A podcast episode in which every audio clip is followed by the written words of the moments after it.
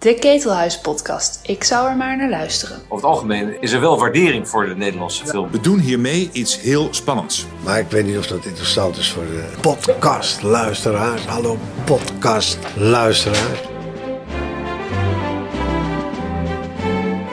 Ik denk dat veel al onaangepaste mensen in de filmindustrie werken. Dat maakt het ook zo leuk. We hebben een bevolking die niet van film houdt. We hebben geen filmcultuur. We denken natuurlijk van wel omdat we films maken, maar het is helemaal niet waar.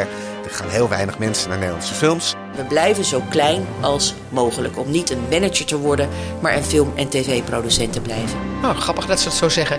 Ik ervaar dat eigenlijk helemaal niet zo.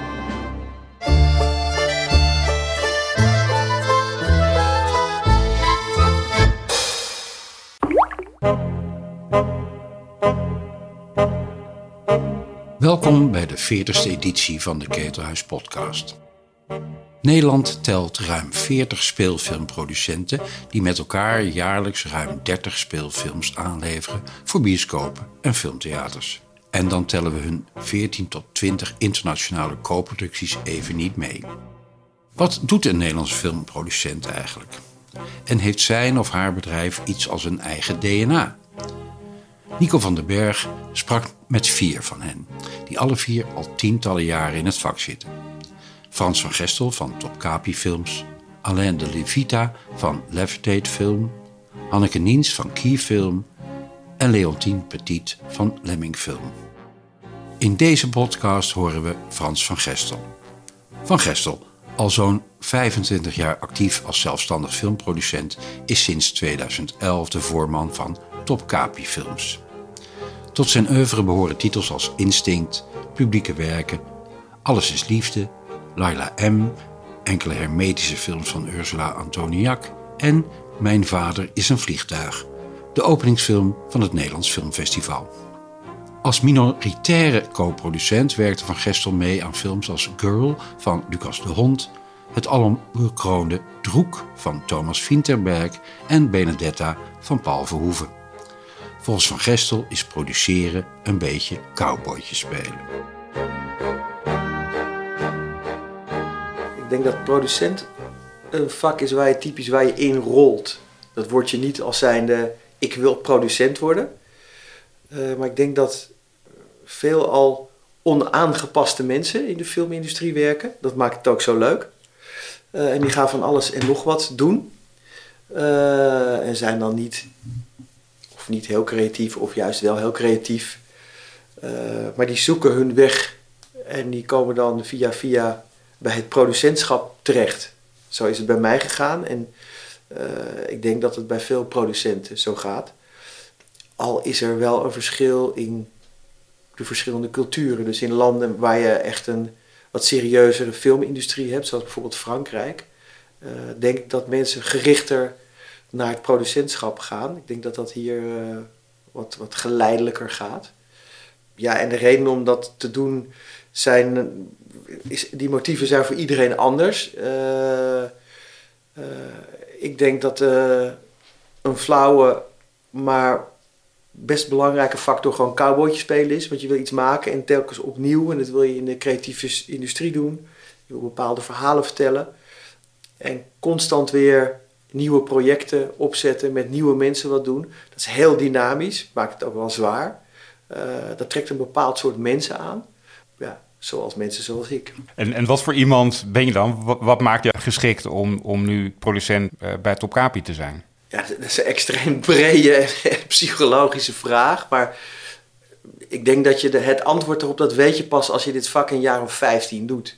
Dus aan de voorkant kan je zeggen uh, ik ben ooit geschiedenis gaan studeren omdat ik documentaires wilde maken. Uh, omdat ik een aantal documentaires bij de VPRO had gezien van uh, Maarten Smit, Thomas Deubelen. de staat der verzorging. Prachtig en dat wil ik ook. En dan wil ik via bronnenonderzoek geschiedenis en dan rol je er zo in. Kom je in Amsterdam terecht. en al heel vroeg kwam ik bij low budget filmmaking terecht bij Pim de La Parra kom oorspronkelijk uit Hilversum, had daar al, uh, vader van een vriend van mij, was cameraman, dus ik stond al veel op sets. En zo rol je uh, daarin. Maar toen zag ik Stranger Than Paradise. En qua storytelling dacht ik wel, hier vertelt iemand een verhaal en het gaat over mij. Toen was ik heel jong. Dacht, wow, dat, dat kan je met film bereiken. Nou, dan rol je zo langzaam een kant op van fictie. En dan, ja, ik voelde me als een vis in het water in die filmwereld. Maar was er ook al vrij snel achter dat ik niet de durf heb om je extreem bloot te geven. Want ik denk dat echt de topfilmmakers zich in hun werk direct, het zij indirect, extreem moeten blootgeven. Ah, daar ben ik gewoon te scheiterig voor. En dan kom je langzaam in het productievak terecht en dan blijk ik ook wel een generalist te zijn. Iemand die zich met heel veel verschillende zaken bemoeit en dat ook leuk vindt. Van de marketing, de ontwikkeling, de uitbreng. Ja, en dan val je zo op je plek.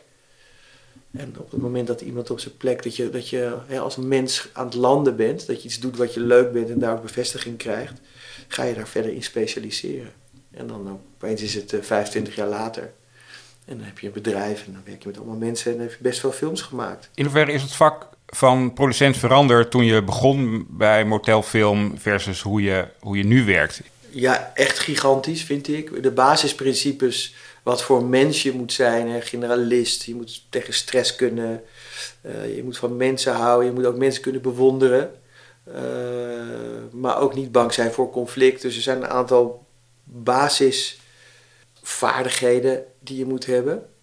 Uh, tegelijkertijd is het de wereld waarin we leven en hoe we met elkaar omgaan, en ook binnen, binnen de filmindustrie, die is wel, die is wel enorm veranderd. Het is denk ik technisch veel gecompliceerder geworden.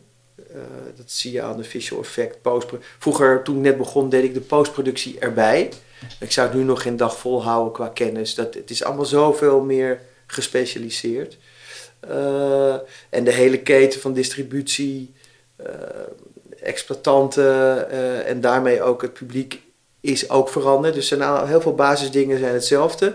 Maar om een film gemaakt te krijgen, op het niveau dat jij wil en op het allerhoogste niveau mee te spelen, heb je gewoon meer mensen nodig. Je aftiteling is langer, je, je, je werkt met meer mensen samen en dat maakt het complexer. De concurrentie is groter, de intrede de laatste vijf jaar van de streamers heeft het hele speelveld veranderd en dan over de hele breedte. Uh, en daar moet je steeds in mee. En niet alleen, niet alleen jijzelf, want ja, ik ben dan een van de vooruitgeschoven posten, maar wij werken bij Topkapi echt met een team juist van specialisten. En wij moeten als team mee. Wij moeten mee in die veranderingen zonder ons DNA te verliezen. En het kost heel veel uh, energie. Maakt het ook hartstikke leuk. Uh, maar ja, is pittig. Ik kan hetgeen wat wij nu doen, we zijn ook wat groter als toen we bij motelfilms begonnen. Maar wat we toen met z'n vier, vijf man kunnen doen, hebben we nu minimaal een man, een mens of twaalf voor nodig. Uh, om hetzelfde te doen en te vertellen het is complexer, het is, het is, eh, de markt is ook agressiever. Ik vind ook dat het, uh, we doen heel erg ons best als, als Nederland. Ik zou Nederland meer als Europa. Maar de markt is wel Amerikaanser geworden in, in, in, in, in pitchen, ook in storytelling. Met alle goede en ook minder goede bijkomstigheden van die. Wat is voor jou het DNA van Topkapi Film? Uh, nou, DNA is wel iets aan het veranderen, want we maken tegenwoordig meer series dan films. Ik denk, zou zeggen, de verhouding is 60-40. Uh, maar DNA blijft altijd voor ons dat we deep down zijn wij, uh, werken wij toch veel met auteurs. Uh, en dat kan ook op een wat industriëlere manier, zoals bij series die je dan op met, een, met een writers room of zo maakt. Maar wij kiezen altijd voor mensen, eerst in de, in de eerste plaats, en daarna pas voor een product, een verhaal. Het gaat, ons, het gaat ons altijd om de mensen. En dat is hier binnen zo. Dus met wie wij werken, met elkaar. De mensen die bij Top Capi werken, onze transparantie, uh, de menselijke maat. Uh, en naar buiten toe uh, geldt dat eigenlijk ook. we werken niet met iedereen, we zeggen heel veel nee. En we zoeken altijd naar urgentie bij de maker. En dat betekent helemaal niet dat we altijd sociaal-realistische eh, films of, of, series maken, integendeel. Uh, maar ik denk dat ook bij de eerste Die Hard bijvoorbeeld de maker meer urgentie had, had dan bij Die Hard 5. Dus het zegt niet zoveel over artistiek of niet artistiek, maar wel over het, het hart en de passie waarmee de, de, de schrijver en de regisseur Soms ook de, met series werken we ook best wel met, starten we met research, dus met de onderzoeksjournalisten. hoe mensen hun werk doen, beleven en wat ze willen vertellen. En die connectie tussen die gedreven maker en ons, dat kenmerkt ons, denk ik. En waar zeg je dan bijvoorbeeld nee tegen? Oh, jezus, nou, echt zoveel. Nou, we krijgen op een wat lager niveau van... Nee, ik heb een leuk plan of een oom van mij. Of nou ja, we krijgen best veel mensen die enthousiast zijn... maar dan is het alleen maar enthousiasme. Maar er zijn ook makers die heel solitair werken... Uh, waar we eerder mee gewerkt hebben... of waar we zien in de markt hoe ze werken... Uh, ja, waarvan ik denk, je werkt niet in teamverband... Uh, bepaalde onderwerpen. Ja, het, het, is een hele brede vraag die je stelt, maar uh, als je auteursgedreven werkt in de basis, zoals wij, dan betekent dat onze smaak daar ook een heel grote rol in speelt. Dus het is niet oud, het is een goed project, we kunnen het financieren, laat maar doen. Het moet breed gedragen worden binnen ons, binnen ons team. Je zei net dat je je nu veel meer focust op series in plaats van films. Is dat iets wat puur vanuit de markt ook komt. Hè. Kijk naar de, de grote streaminggiganten, die natuurlijk ook heel groot zijn geworden, met name ook door, uh, door series. Is dat, is dat daardoor of zijn het, zijn het andere factoren waardoor je nu je meer op series focust? Het zijn, je zei in plaats van, maar het is, het, is, het is niet in plaats van, het is, bestaat naast elkaar. Want wij maken nog steeds ook kleine arthouse films, crossover films. We hebben net, zijn net met een hele grote heistfilm bezig. Maar net zei je, het evenwicht verschuift wat van film naar serie. Ja, zeker. Het evenwicht verschuift. Uh, dat, daar, dat heeft verschillende redenen. Dat is de markt zelf. Uh, de vraag uit de markt. En de markt klinkt dan zo commercieel, maar de markt zijn uiteindelijk gewoon uh, de kijkers. Um, maar ook de makers willen zich. Uh, het biedt, in storytelling biedt een, een, een serie. biedt je natuurlijk ook heel veel extra mogelijkheden. Langere verhaallijnen, meerdere karakters. Uh, we hebben ooit Alles is Liefde gemaakt, multistory. Nou ja, als je, dat, als je een, een, een film als Alles is Liefde over een achtdelige reeks zou kunnen doen, zou je daar ook nog een ander soort verdieping in kunnen aanbrengen. Dus dat is ook interessant. Sommige verhalen zijn gewoon te lang nou, we zijn bezig met de uh, verfilming van Bonita Avenue. Het is gewoon gebleken tijdens de ontwikkeling dat we dat niet... We krijgen dat gewoon niet in een film van 2,5 uur. We hebben het wel, het is wel gelukt op papier, maar het werd er minder goed van. Dus we moeten echt naar een vier, vijf, zesdelige serie om recht te doen aan het boek. Nou, dat is een voorbeeld van, van waar een serie je niet alleen vanwege de markt, maar puur vanwege inhoudelijke redenen interessant is om je daaraan uh, te wagen. Maar het speelt niet mee dat het misschien commercieel ook interessanter uh, is. Natuurlijk speelt ook mee. We zijn ook een bedrijf. Ik bedoel, als we kijken, als wij onze de kleine arthouse pareltjes die we altijd zullen blijven maken, want dat zit in het DNA van, van iedereen in dit bedrijf. Je kan niet een gezond bedrijf leiden uh, en dan alleen maar dat soort films maken. De markt daarvoor is klein. Uh, en als je het wil blijven maken, moet je een bedrijf hebben waardoor al mijn specialisten hier ook kunnen blijven. Uh, en wij ons vol op die film kunnen richten, maar dan moeten we ook uh, het bedrijf moet ronddraaien. En nou is het uitgangspunt bij Top Capi, we zijn hier niet... Economische groei is nooit een doel geweest, zal het ook nooit worden. Maar een gezond bedrijf is wel goed. En is nodig om een mooie balans te hebben tussen kleine arthouse films commerciële series en crossover films. Als je kijkt naar uh, films als Benedetta, als je kijkt naar Droek, hè, de film van Thomas Vinterberg, daar zitten jullie als uh, minoriteit co-producent heen, zoals dat officieel heet. Ja. Is dat iets wat nu steeds vaker voorkomt, dat misschien als bedrijfsmodel interessant is? Uh, of heeft dat andere redenen dat dat nu wat prominenter lijkt te zijn ja. bij nou, Nederlandse producenten? Niet, het, is niet pro, het is niet prominenter, want wij, ik, ik, ik denk dat wij het productiehuis zijn dat in de, nou laten we het maar even laat ik het maar even grootsprakerig zeggen, maar in de filmgeschiedenis het meeste co-producties, internationale co-producties heeft gedaan de afgelopen 20, 25 jaar. Uh, dat zullen we ook blijven doen. We hebben net geld ontvangen voor de nieuwe film van Lucas de Hond. Hè, met Girls zaten we ook bij. Een nieuwe film van Fien Trog. En er is een Poolse film die nu wordt gedraaid.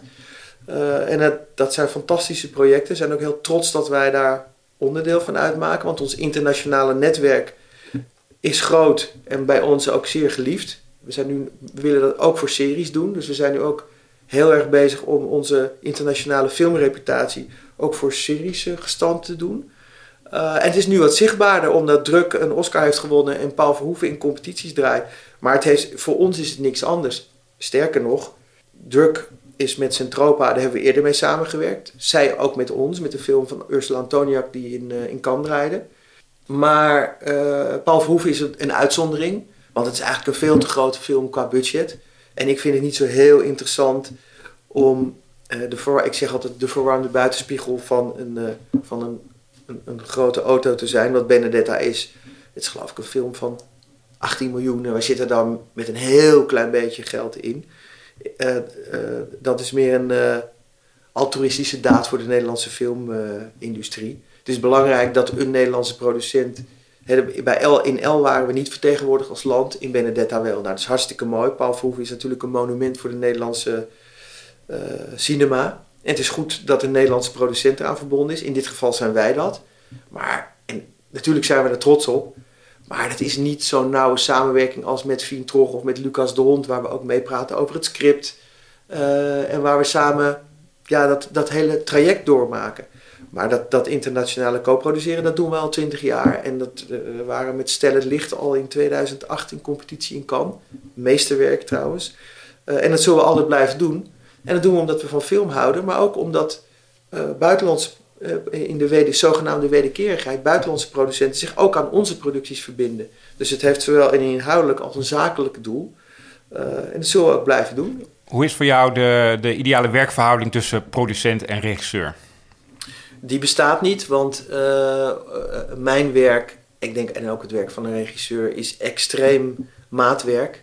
En iedereen heeft zijn eigen zwaktes en krachten. En die moet je op elkaar afstellen. Dus ik denk dat het belangrijkste is dat je, dat je dat van elkaar weet. Dat je je kwetsbaar durft op te stellen. Dat je regelmatig contact hebt en dat je van tevoren weet. Wij gaan voor minimaal drie, vier, vijf jaar een relatie met, met elkaar aan voor dit project. Wat verwachten we van elkaar? En dat je dan ook ja, verdiept in iemands kracht en zwakte van tevoren, in iemands werk. En ik heb totaal verschillende rollen bij verschillende films. Er zijn arthouse films waar ik heel veel in de montage ben. En bij de, uh, en bij de ontwikkelingen waar ik heel nauw met de maker werk. En er zijn uh, nou, romcoms waarvan ik denk, ja, dat kunnen die mensen beter. Dus alles is liefde. Ja, Kim van Koten en Joram Leurse uh, hebben dat fantastisch gedaan. Dus ik was daar wat op wat meer afstand, omdat eigenlijk romcom helemaal mijn genre niet is. Ik vond, vind de film fantastisch en ik ben natuurlijk heel blij met het succes ooit van, van Alles is Liefde. Maar ik heb daar een hele andere werkverhouding met Kim en Joram dan ik bijvoorbeeld uh, heb bij uh, arthouse films, waar ik meer van mijn krachten in kwijt kan en meer van mijn passie, zeg maar, inhoudelijk. Dus het verschilt per project en het verschilt per samenwerking, hoe de, hoe de karaktermatch is. Want hoe, hoe vaak bemoei je je ook met uh, artistieke keuzes die, uh, die bijvoorbeeld een regisseur uh, maakt? Ja, bemoeien, bemoeien is, klinkt wat negatief. dat verschilt ook heel erg, maar ik ben nadrukkelijk aanwezig in de montage. Ik ben nadrukkelijk aanwezig bij de casting. Ik ben zeer nadrukkelijk aanwezig bij de ontwikkeling. Dus in alle fases. En naar gelang de kracht van het team, van de schrijver en de regisseur waar die ligt, ben ik soms op meer afstand en soms zit ik er bovenop. En als ik dan zeg ik, we hebben ook een script editor in huis. En we hebben, dus ik uh, vertegenwoordig een team. Uh, dus het kan ook zijn dat ergens iemand uit mijn team nodig is. Het is niet ik, het is Tokapi Films. En daar ben ik het gezicht van. Uh, dus soms ben ik heel nadrukkelijk aanwezig en soms heel onnadrukkelijk. Als je op een verjaardag bent, hoe omschrijf je jouw werk als producent? Nou, ik begin allereerst nooit over mijn werk. Dat deed ik vroeger wel, want ik vind het superleuk en ik ben er ook heel trots op. Maar uh, dan krijg je zoveel vragen, mensen vinden dat zo interessant. En dan kaap je soms zo'n uh, gesprek of zo'n feestje. En dan komen er na een kwartier, twintig minuten komen die blikken van... oh, oh film, interessant. Voor zover mensen dat vinden. Um, dus ik begin er liever niet over. En, en steeds minder. Uh, ik kan ook nogal breedsprakig zijn, zeker als het over film gaat. Maar goed, als iemand, ja, wat doe je uh, als producent? Dan is het korte antwoord dat je betrokken bent bij het hele uh, proces van helemaal het begin van, dus van, het, van het idee tot en met de uitbreng. En als de uitbreng is, gaat nog verder dan als het over film gaat, dan de release van de film. Want daarna komt nog de uitzending op televisie of de streamingdiensten. En alles wat ertussen zit. Dus als dat een periode is van vier jaar, heb je de ontwikkeling, de financiering, de preproductie met de casting, samenstelling van het team van crew, eh, het draaien, de montage, de marketing. En in al die verschillende facetten, die hele opbouw, daar ben ik overal aanwezig. Ik en mijn mensen.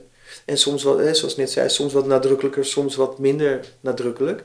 Maar het geeft aan dat je als producent generalist, moet zijn en dat je overal aanwezig bent. En je drukt een stempel, denk ik, met je kennis uh, die je hebt opgebouwd en ook met je intuïtie. Dus inhoudelijk gaat het ook. Ja, waar, en het beredeneren daarvan. Waarom wel die acteur of waarom niet?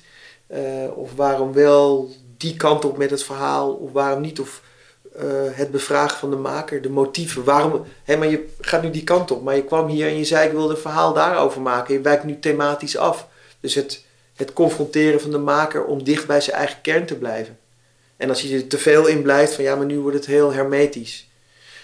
Die, die processen en dan over, over de hele breedte, dat is, dat is uh, procesbegeleider. Dat is wat een producent uh, eigenlijk doet. Met daarbij als productiehuis ook best een, sterke zakelijke component. Want als je het woord filmindustrie in twee, tweeën hakt, heb ik het nu over de film. film, zeg ik altijd, is het creatieve deel. En industrie is het, dat, het deel waar het, de driehoek schrijver, uh, producent, regisseur terechtkomt als de film af is. En dan is er een distributeur. Hoe gaan we hem in de markt zetten? Wat wordt de poster? Uh, hoeveel geld hebben we voor over om de film te marketen? Uh, wat zijn de factoren die bepalen dat een bioscoop hem wel draait? Op welk tijdstip, wanneer, welke festivals? En dan kom je eigenlijk met een, iets wat kwetsbaar is begonnen, namelijk we willen een verhaal vertellen, komt dan terecht in de, in de, in de, in de meer industriële wereld. En mijn kennis van die wereld, die moet ik weer vertalen naar de creatieve. En sommigen weten daar heel veel van, anderen minder. Dus ik moet dat proces begeleiden om iets kwetsbaars in de grote boze wereld uh, te laten bestaan en zo goed en groot mogelijk publiek te laten vinden. Als je kijkt naar de, de, de, financiering, is dat iets wat in deze tijd makkelijker is geworden, ook door het feit dat uh, streamingpartijen een grotere macht hebben, wat meer geld? of is het juist moeilijker? Ik denk dat het voor film moeilijker is geworden, omdat, omdat het complexer is geworden. En ja, we hebben nu ook de COVID en de post-COVID tijd in de bioscopen. Dus ja, de, ik denk dat we nu te weinig tijd hebben om daar een genuanceerd en gelaagd beeld van te geven. Maar om een arthouse of een, een, een, een crossover film te co-produceren met, met meerdere landen en internationaal zichtbaar te maken, ja, dat is gewoon harder vechten omdat de concurrentie groter is. Uh, dus dat is, en ook omdat de, de, hoewel er veel welwillendheid is, zeker ook Europees, en er veel mogelijkheden zijn, is, zijn er, is de, de, de, de regels is, zijn heel erg complex. En die complexiteit maakt het niet altijd eenvoudig om het geld uh, te, stapelen uit meerdere landen, uit meerdere culturen. Uh, met behoud van de eigenheid van je productie. Dus je moet daar heel inventief. Het kan allemaal wel, maar het is complexer, dus het is iets moeilijker. En voor series is er gewoon meer vraag. De, en omdat er meer vraag is, is er ook meer geld. Is ook wel veel concurrentie. Maar die vraag uh, zorgt ervoor dat, uh, dat je daar juist wat makkelijker geld kan stapelen. En dat de budgetten zo langzaam maar zeker wel iets omhoog gaan voor drama.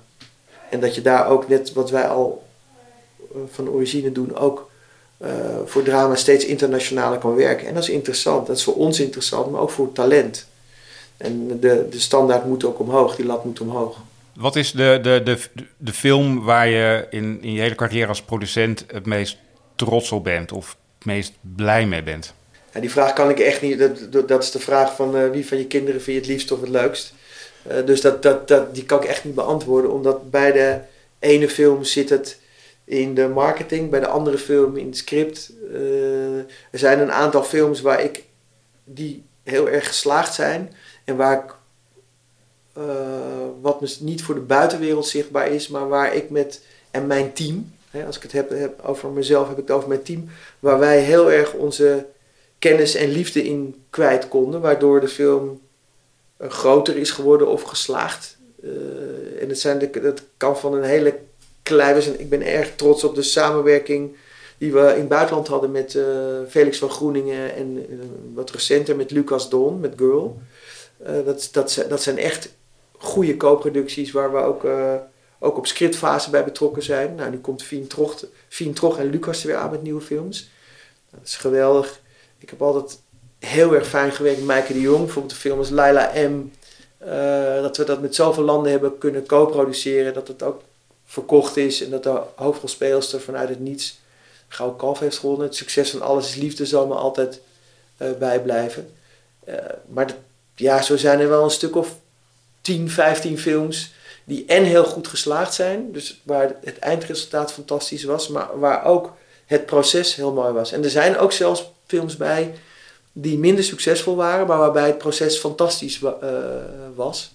En dat doen wij en dat zullen we ook altijd blijven doen. Wij werken liever bij Top Capi meerdere keren met dezelfde mensen en bouwen aan een carrière van iemand. En dan is de tweede of derde film fantastisch dan dat we aan cherrypicking doen.